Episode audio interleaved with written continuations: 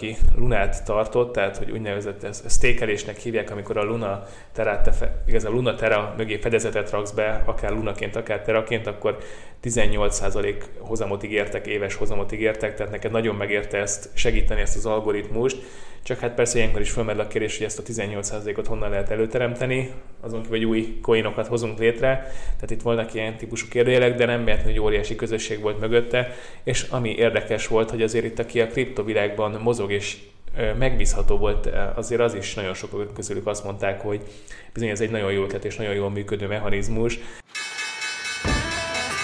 Ez itt az Equilor Podcast és a Margin Call című műsor. Maradj velünk és ismerd meg a pénz- és tőkepiacok világát, és ami mögötte van. Köszöntöm a kedves hallgatókat, Török Lajos vagyok az Equilor vezető elemzője, és ma Józsa Bence elemző kollégáimmal fogok beszélni. Szia, Lajos, üdvözlöm a hallgatókat! És a mai téma a kriptopiac lesz, hiszen olyan események történtek, melyekről mindenképpen érdemes megemlékeznünk, de egy kicsit távolabbról fogunk a mai adást indítani, ugyanis azért nem csak a kriptopiacon történt egy eladási hullám hát nem csak a kriptopiacon, azt látjuk az egész tőkepiacokon is, hogy a, hát a kamatemelési vagy a szigorodó monetáris politika az nem túl jó hír ugye a részvénypiacnak, hagyomány, vagy a tankönyv, tankönyv szerint, azt most látjuk a, az életben is, hogy ez továbbra is ugye így van, ez igaz, ez a szabály.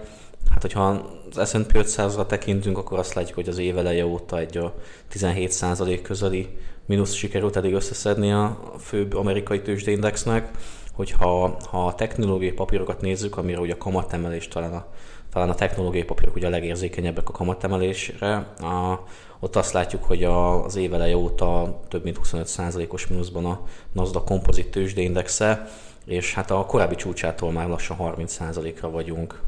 Igen, úgy tűnik, hogy azzal, hogy megkezdte a Fed a szigorítást, és más bankok is erről beszélnek, véget érhet a dal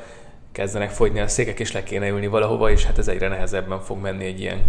kamat környezetben. És ugye beszélted arról, hogy a technológiai cégek, illetve a növekedési cégek, amiket ez igazán érint, hát ez azért is van, ugye, ha visszadiszkontáljuk ugye a jövőbeli pénzügyi várakozásainkat, minél távolabbra ígérnek jelentősebb profitot, annál nagyobb diszkontfaktort kell használnunk, tehát tényleg itt a leglátványosabb. És az amerikai 10 éves hozam is egyébként kilőtt, most már azért 3% fölött volt. Viszont úgy tűnik, hogy itt tetőzik. Igen, hát ugye azokban a diszkont modellekben jelentős, jelentősen visszasorolódnak ugye a jövőbeli készpénzáramok, ugye ez főleg a, a ciklusuk elején lévő technológiai cégeket érinti a legérzékenyebben, főleg ugye ahol még profitról sem beszélünk, ahol a profit majd valahol a távoli jövőben lesz, ugye ott, ott talán ez a legérzékelhetőbb, nem, nem, rengeteg ilyen cégnél látunk már 50-60-70 százalékos mínuszt is ugye a korábbi csúcsokhoz képest, de egyébként, hogyha megnézzük a nagyobb technológiai cégeket, a gigászokat, akár a FANG részvény, részvényeket, akár ennek egy kibővített, mondjuk Microsoft-tal kibővített ö, paketjét, akkor ott is azt látjuk, hogy egyébként rendre 20-30 százalékos mínuszokban vagyunk már. Ha Netflixet kiemeljük a fangok közül, akkor az ugye már, az már jelentősebb 60 százalék meghaladó mínuszban van a korábbi csúcsaihoz képest. Ott Igen, mondjuk egy... arról beszéltünk is a Netflixről, tehát aki a Netflix különösen érdekel, az hallgassa vissza ezt az adásunkat, amit még itt azért hozzátennék, így bocsánat, hogy a szabadba vágtam, hogy mindenképpen univerzális ez az eladási hullám, tehát nem arról van szó, hogy kipécéztek egy-egy dolgot, de ha kipécézett dolgokról vagy cégekről beszélünk, akkor meg kell említenünk az ARK Investment, ugye Kéti Woodnak az alapját, erről is beszéltünk már egy picit korábban, de most mindenképpen ismét előkerülhet. Úgy néz ki, bármelyik olyan cég, a Tesla talán lesz, amit ha bár most nevezett Tesla is volt egy eladási hullám, azt mind végtelen mennyiségben adják el a piacon, tényleg azt nézik, hogy mi az, ami két Wood tart, azt mindenképp el kéne adni, Viszont ami egy nagyon nagy érdekesség, és talán egy kicsit diszonáns is, hogy ennek ellenére a, tehát a nettó tőkebeáramlás az pozitív továbbra is az alapban. Így van, talán ez a legmeglepőbb egyébként, hogy a Cathy Wood mögül nem hátrálnak ki a befektetők, sőt, gyakorlatilag, ahogy mondtad is, hogy inflow van az alapjaiban az idei évben. Ez egyébként részben szerintem annak is köszönhető, hogy ők egyébként rendkívül transzparensen kommunikálják az elemzéseiket, a jövőképeiket. Ketty Wood ugye talán két heti rendszerességgel közli is, ugye, hogy mit lát makro, fiskális szinten, illetve a részvénypiacok terén mit lát, úgyhogy szerintem ez hozzájárul ahhoz, hogy a befektetőit folyamatosan ugye friss információval ellátja, és, és próbálja a hát úgymond a, a zajban így tisztánlátásra segítene a befektetőt, vagy az ő vízióját úgymond így kiemelni, mert hát a mainstream gazdasági ö,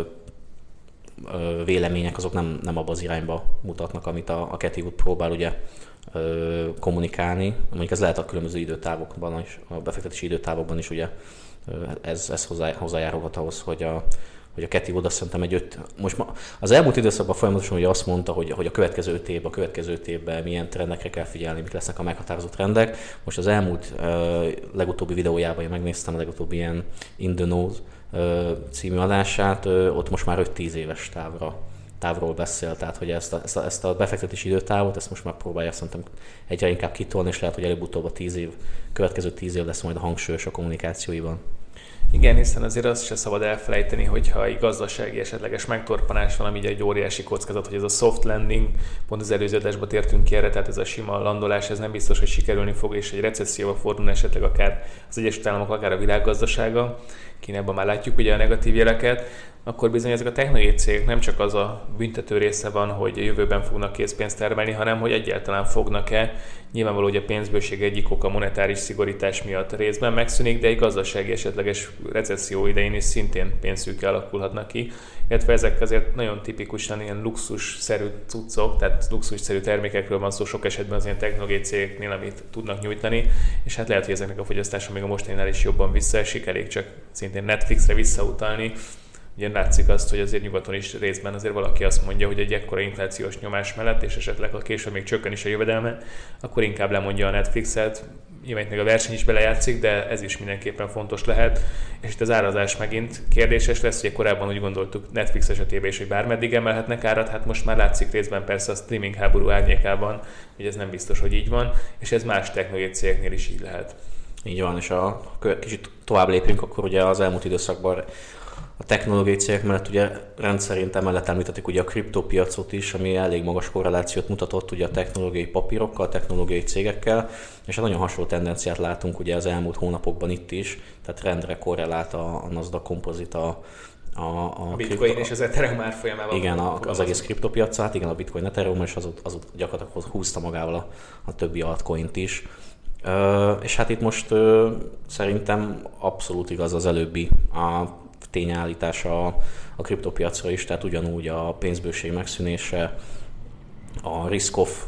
hangulat az, az nem kedvez egyáltalán a, a kriptopiacnak sem, és itt is gyakorlatilag a, a befektetők most már szerintem próbálnak kockázatot csökkenteni, és, és, és valami más felé fordulni. Igen, szerintem is az első adási hullám ebbe az irányba mutatott, tehát amikor megnéztük azt, hogy a bitcoin mondjuk a csúcsához képest kicsit le, majdnem lefeleződött, 40 ezer dollárig lejött, akkor mondhatjuk azt, hogy tipikus diszkov történt, tehát kockázatos eszközökből eh, menekülni. De az adás másik felében ki fog majd arra térni, hogy mi az, ami még a extrában történt az utóbbi héten, ami teljesen megbolygatta a piacot, de még ezelőtt a bizonyos múlt heti esemény előtt is ezért ki kell emelni, hogy a csúcson ezeknek az eszközöknek a teljes piaci kapitalizáció 3000 milliárd dollár volt, ami azért óriási összeg. Ez olvad 2000 milliárd dollárra, a risk-off üzemmódnak köszönhetően fogalmazunk így. Persze mindig hozzá kell, ezek virtuális vagyonok, tehát ezekről mindig nehéz így fogalmazni. Nyilván, ha adószedő oldalról nézzük, ugye szokták a baloldaliak ugye így nézni, hogy itt ezt minden lehetne adóztatni akkor azért hozzá kell mindig tenni azt, hogy ezek egyáltalán nem likvid és nem teljes értékek valójában. Ezek virtuális vagyonok olyan szempontból, hogy ezt ha a piacra szeretné dönteni, akkor rögtön csökkenés történt, és hát ugye erről 3000 milliárd dollárról 2000 milliárd dollárra csökkentünk, majd pedig innen történt még egy jelentős esemény. Mondom, ezt az adás másik felében ki fogjuk vesézni. Még azért itt annyit hozzátennék, hogy azért a kriptó eszközöknél is nagyon sok olyan van, ami jövőbeli projektet ígér. Tehát az is hozzájárult ahhoz, hogy itt történt egy ilyen fajta diszkontálás és hát sajnos a magyar piacot sem került el egyébként ez a nagy eladási hullám, itt is azért óriási korrekciókat látunk,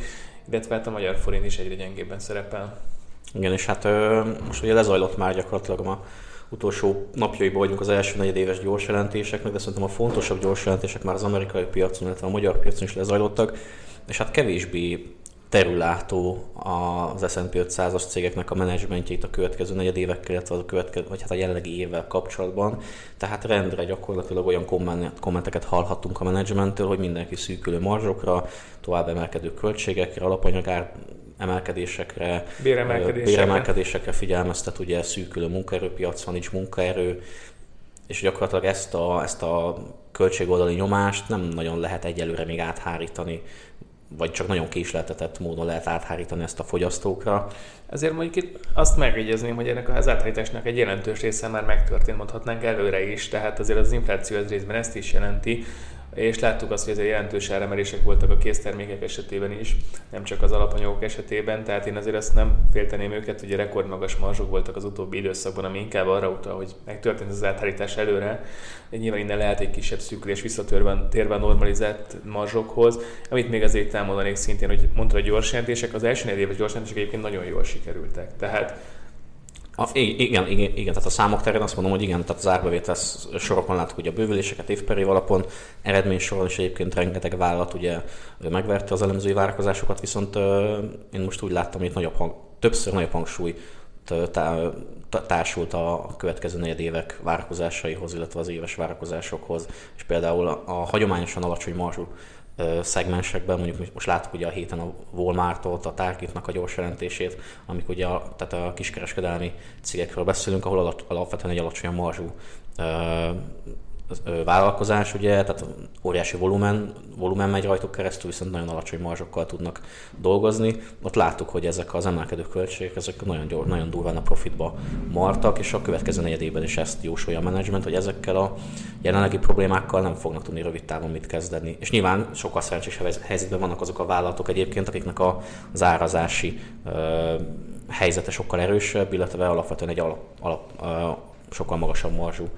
szegmensben dolgoznak vagy működnek, tehát főleg mondjuk az ilyen big tech cégekről beszélhetünk egyébként. Akiket a leginkább eladtak, hogy mellesleg érdekes mondom, ők persze a targetet is most nagyon szépen elpüfölték a héten. Egyébként ez most május 19-én csütörtök 13 óra 25 perc környékén vesszük fel, azért hozzátesszük ezt mindig, főleg mert a kriptopiacról is beszélünk, ahol lehet, hogy lassan másodperc szinten kellene bemondanunk, hogy hol tartunk.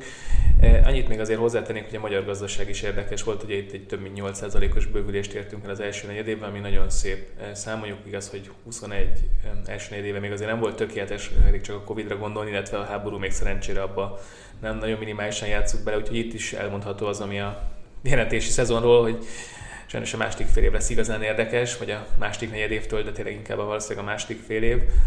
E, úgyhogy mindenképpen érdemes lesz azért ilyen szempontból is figyelni, hogy vajon ezek a pessimista menedzsment várakozások, egyébként a magyar gazdaság növekedéséről a magyar kormány továbbra is optimista, ha már menedzsmentről beszélünk, vajon hogyan fognak az év végén lejátszódni. Igen, és hát ugye itt az első negyedével kapcsolatban még nyilván az egyik nagy probléma az ugye az orosz-ukrán háború kitörése volt, ami az első negyed évnek csak az utolsó bő egy hónapját érintette. De tehát, a hónap legvégét, ugye február 24-én. Igen, tehát hogy, tehát hogy itt is majd ugye érdekes lesz, hogy majd a második negyedéves gyors jelentés, amikor már ténylegesen láthatjuk azt, hogy, hogy egyes vállalatoknál materiálisan ez mekkora ö, hatása lehetett, igen, akkor, akkor ott mit mond a menedzsment. Maradj velünk! Ez a Margin Call, az Equilor pénzügyi kibeszélő podcast műsora. Az adás első felében beszéltünk ugye az általános gazdasági kilátásról, első negyedéves számokról, szigorodó monetáris politikáról, és már felvezettük, hogy bizony azért itt a második felében kénytelenek leszünk egy egyedi kriptoeseményről beszélni, mert hiába volt egy alapvető eladási hullám a kriptopiacon, ezt még magyarázhattuk azzal, hogy risk-off üzemmód van, a kockázatos eszközöket inkább eladják, a befektetők inkább a stabilitás felé fordulnak, mert igazából mindent eladtak az emberi szinte, hiszen az amerikai 10 éves állampapír hozama is emelkedett, de a lényeg a lényeg, hogy azt mondjuk, hogy a kockázatot elkerüljük, és akkor történt egy olyan esemény itt a kriptopiacon, ami hát mondhatjuk, hogy elég ritkán történik ilyen, ekkora típusú eh, coin esetén főleg, tehát igazából itt nem is ez a kérdés, hogy igazából kiderült egy coinról, hogy ami stablecoinnak állította magát, majd erre bele fogunk menni, hogy miért, miért volt ez stablecoin, és stable volt ez a stablecoin, ami azt jelentette, hogy egy ilyen eszköz az pont egy dollárt érhet, ez jelenti a stablecoin, ugye ebből is majd beszélünk, hogy milyen típusok vannak, és mekkora kockázatokat jelenthet egy-egy de ö, tényleg arról hogy egy top 10-es coinról derült ki a Lunáról, hogy illetve az USD tether, tether, bocsánat, USD teráról, hogy ez bizony egyáltalán nem biztos, hogy ilyen értékes eszköz. Gyakorlatilag napok alatt bezuhant, és hát beszéljünk is erről, hogy itt főleg az USD Terra, ami érdekes volt, amire azt mondták, hogy stablecoin, aminek kiderült, hogy hát egyáltalán nem stable. Igen, hát itt évek óta volt egy ilyen kérdés ezzel kapcsolatban, tehát rengetegen megkérdőjelezték azt a mechanizmust, ami alapján a, a UST, ugye a US Terra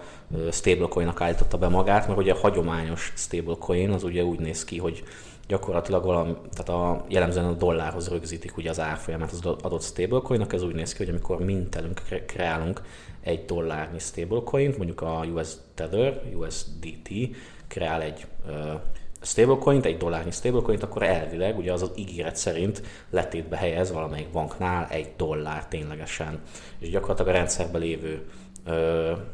stablecoin mennyiség az gyakorlatilag egy bankszámlán megtalálható, Hát azért annyit hozzátennék, hogy nem feltétlenül jelenti ez csak bankszámlát, tehát hát lehet ugye különböző stabil eszközök, persze. vagy kevésbé stabil eszközök, de a lényeg, hogy fedezett. Igen, igen, tehát hogy van mögötte ténylegesen akkor a fedezet, amekkora a, a, a market cap gyakorlatilag, vagy a kibocsátott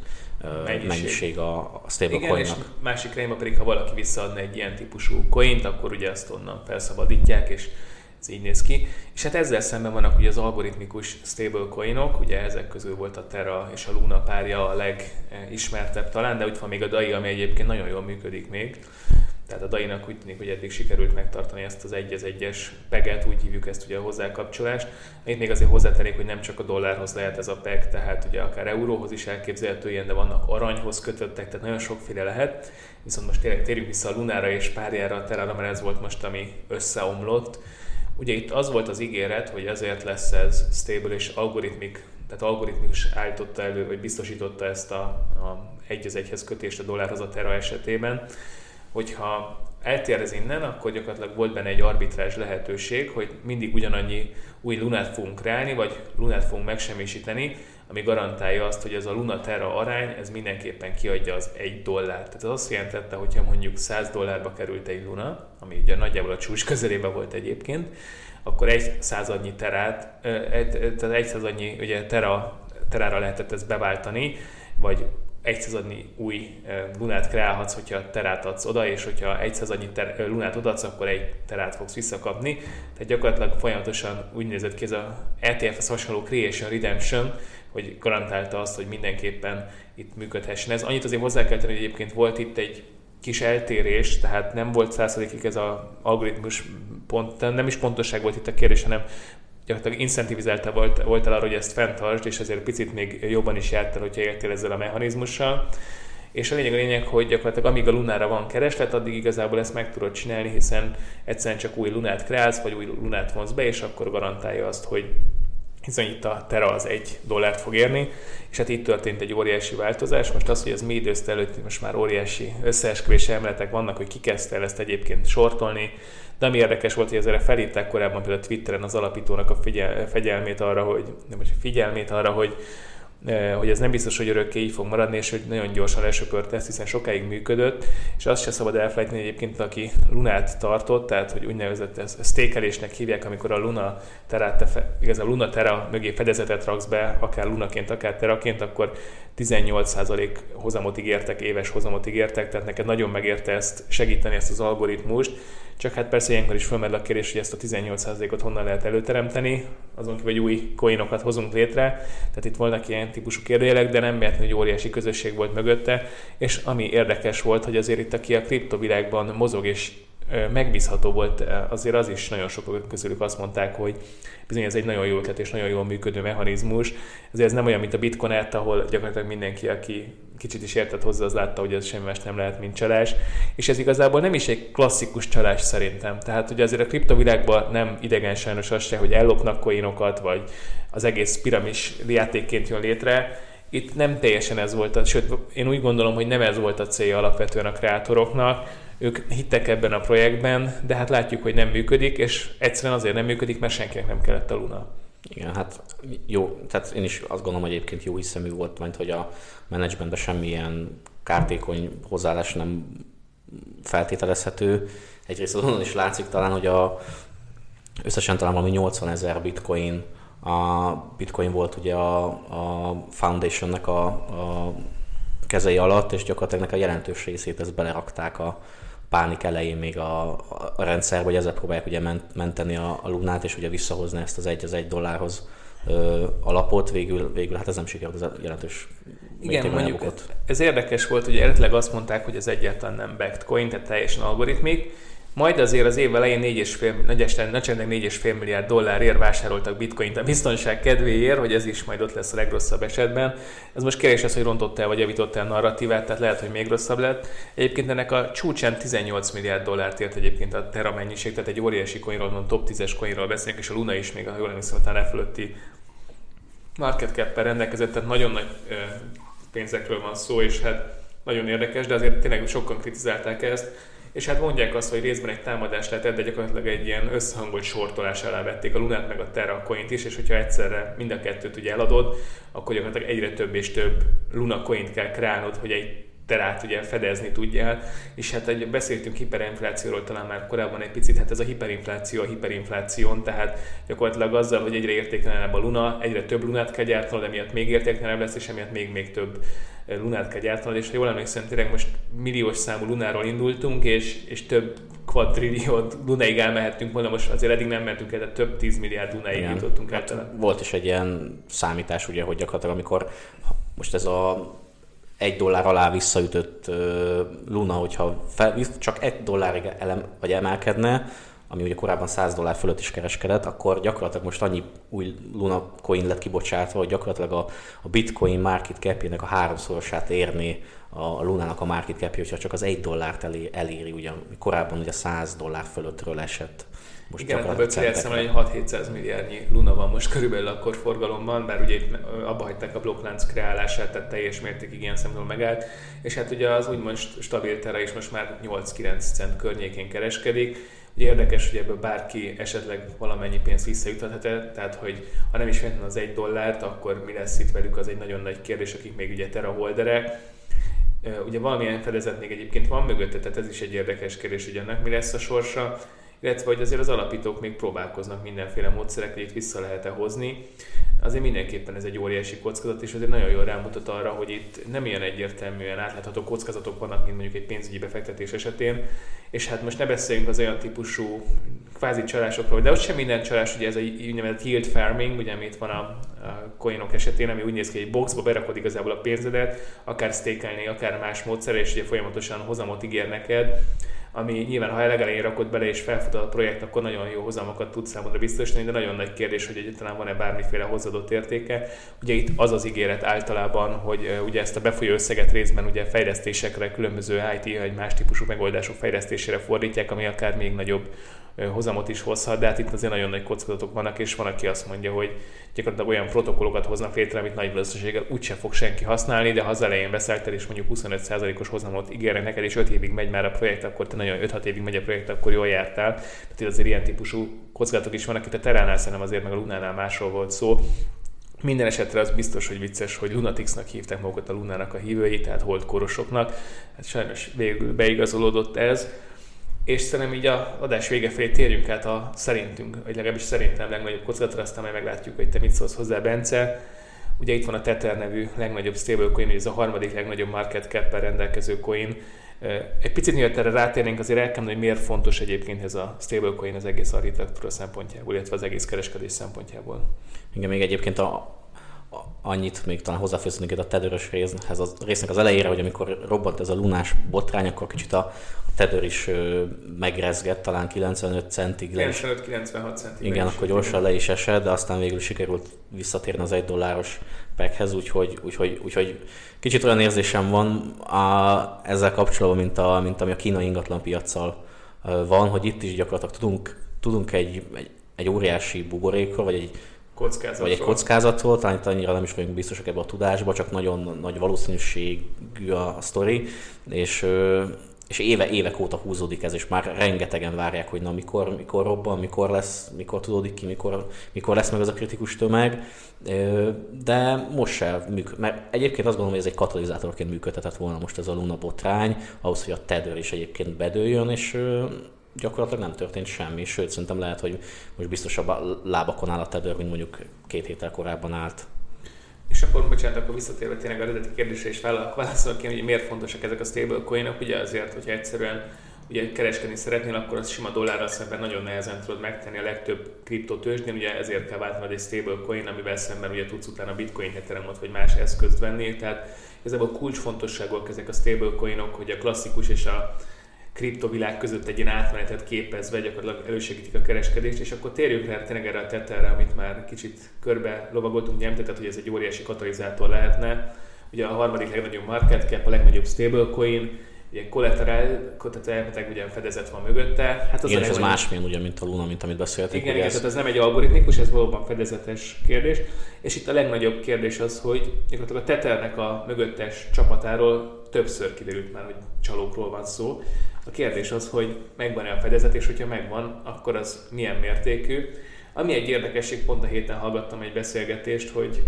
valaki azért nem tart a tetőrféle cointól, mert overcollateralize is lehet. Tehát ugye, mondtunk, hogy csalók vannak mögött, ez azt jelentette, hogy kockázatos eszközökre is használták ezt, akár csak bitcoin vételre gondolunk, akár egyébként adtak kölcsön más projektek számára is. Ezek eddig lekopogjuk, de mind bejöttek, tehát valószínűleg ennél az árnál olcsóban vehettek bitcoint jóval, még a mostani 30 ezer, 29 ezer dolláros árnál olcsóban is, illetve nyilván amikor adtak kölcsönt, azt nekik visszafizették, amik úgy kitudottak, tehát az is lehet, hogy egyébként a tether overcollateralize, tehát ilyen szempontból kevésbé kockázat, csak azt kérjük akkor, hogyha hallgatják az adást idézőjelben a Tethernek a e, tulajdonosi, vagy nem tulajdonosi, hanem ugye az Tether felett óva e, lévő bizottság, hogy hagyják már abba ezeket a shady bizniszeket. Ha overcollateralize, akkor rakják el nyugodtan a fölötte nyert pénzt, csak az egy-egy dollárokat most már biztosítsák, hiszen az biztos, hogyha a Tether dőlne, akkor az egész kriptopiac hát egy óriási tél köszöntene be. És azért hozzá kell tenni, hogy most úgy tűnik, hogy lehet, hogy kötelező lesz számukra elmondani, hogy mégis mibe tartják ezt a el, mögötte lévő összegeket. Ugye, nekik, ugye ez a secret sauce, tehát a titkos összetevő, amit nem akarnak elmondani, és igazából még az a hogy azt se tudjuk, hogy kinél van ennek a fedezetnek a jelentős része. Igen, hát itt talán a legnagyobb probléma az ugye a bizonytalanság, most sose kell ez a befektetések világába senkinek. Tehát, hogy azt, azokat a számlákat nagyon rég látta bárki is így a nyilvánosság közül, hogy, hogy tényleg, tényleg az a fedezet az ott van a, a tedőr mögött, illetve hogy az a, az a fedezet ez mibe, mibe van egyébként. De egyébként nyilván van, van ebbe a feltételez, vagy feltételezésben is ez, hogy lehet, hogy over tehát hogy, hogy, hogy, hogy gyakorlatilag nyerességet értek el ezekkel a shady bizniszekkel a, a Tether bordja, de nyilván szerintem kripto, tehát az össz kriptopiacot tekintve óriási megnyugvást hozhatna, hogyha ha kiderülne, hogy a, a Tether mögött van annyi fedezet, mint amennyi, amekkora dollár mennyiség, vagy USDT mennyiség ki van bocsátva. Igen, Igen, ez mindenképpen egy óriási megnyugvás lenne, és szerintem a mostani eladási hullámból is egy kicsit visszafordulhatnánk, és megelőzhetnénk a következő kriptotél elindulását. Azért hozzá kell tenni, hogy most azt mondhatjuk, hogy ez lehet, hogy elindult egy kriptotelet, ugye a Lunának a bedőlése, de sokkal jobb lábaknál egyébként szerintem legalábbis a kriptopiac, mint az utolsó tél indulásánál, hiszen most már sokkal több olyan projekt van, ami életképes lehet és izgalmas lehet most elég csak ugye nyilván a metaverzumokra gondolni, amiről már korábban beszéltünk, vagy a különböző NFT-kre, amelyekről még teljes adást ugye nem szenteltünk, de szintén beszéltünk már róluk, és úgy érzem, hogy vannak olyan projektek, amiknek bizonyos van létjogosultsága, tehát nagyobb fedezet adnak, mint az utolsó kriptotél esetén. Hát vagy esetleg a különböző DeFi projektek is egyébként ott vannak. Úgy, Igen, bár a Luna is egy ilyen DeFi projekt volt, tehát azért itt vannak kockázatok, de valóban. Hát ez ugye a, gyakorlatilag a kriptopiacon már többször is beszéltünk úgy, mint a pénzügyeknek a vadnyugata, hát itt most gyakorlatilag folyamatosan ugye itt fedezünk fel új, új lehetőségeket, és szerintem a Luna is egy ilyen projekt volt, ami valami újat próbált kreálni, és gyakorlatilag a tesztet, a nagy tesztet, ami előtte volt, azt nem tudta, nem állta ki. Igen, egy valamitől félhetünk viszont, hogy ezt a szabályozók arra fogják felhasználni, hogy jaj, szegény emberek buktak pénzt, ami sajnos tényleg így történt, és sokan tényleg nagyon sok pénzt buktak, nem akarjuk ezt relativizálni, de ezt azért ne a szabályozók használják ki arra, hogy az egész kriptopiacot gyakorlatilag megpróbálják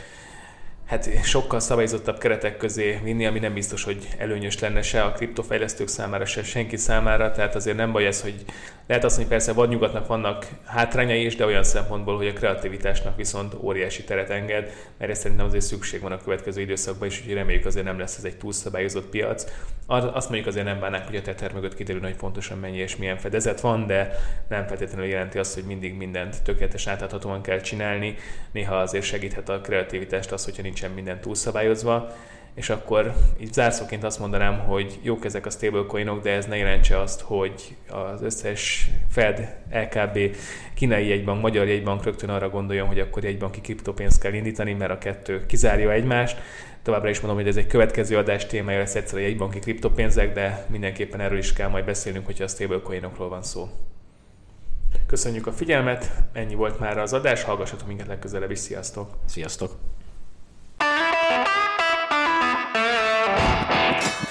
Volt a Margin Call, az Equilor pénzügyi kibeszélő podcast műsora. Ha tetszett az adás, iratkozz fel követőink közé, vagy honlapunkon hírlevelünkre, hogy elsőként értesülhess a legizgalmasabb tőzsdei sztorikról.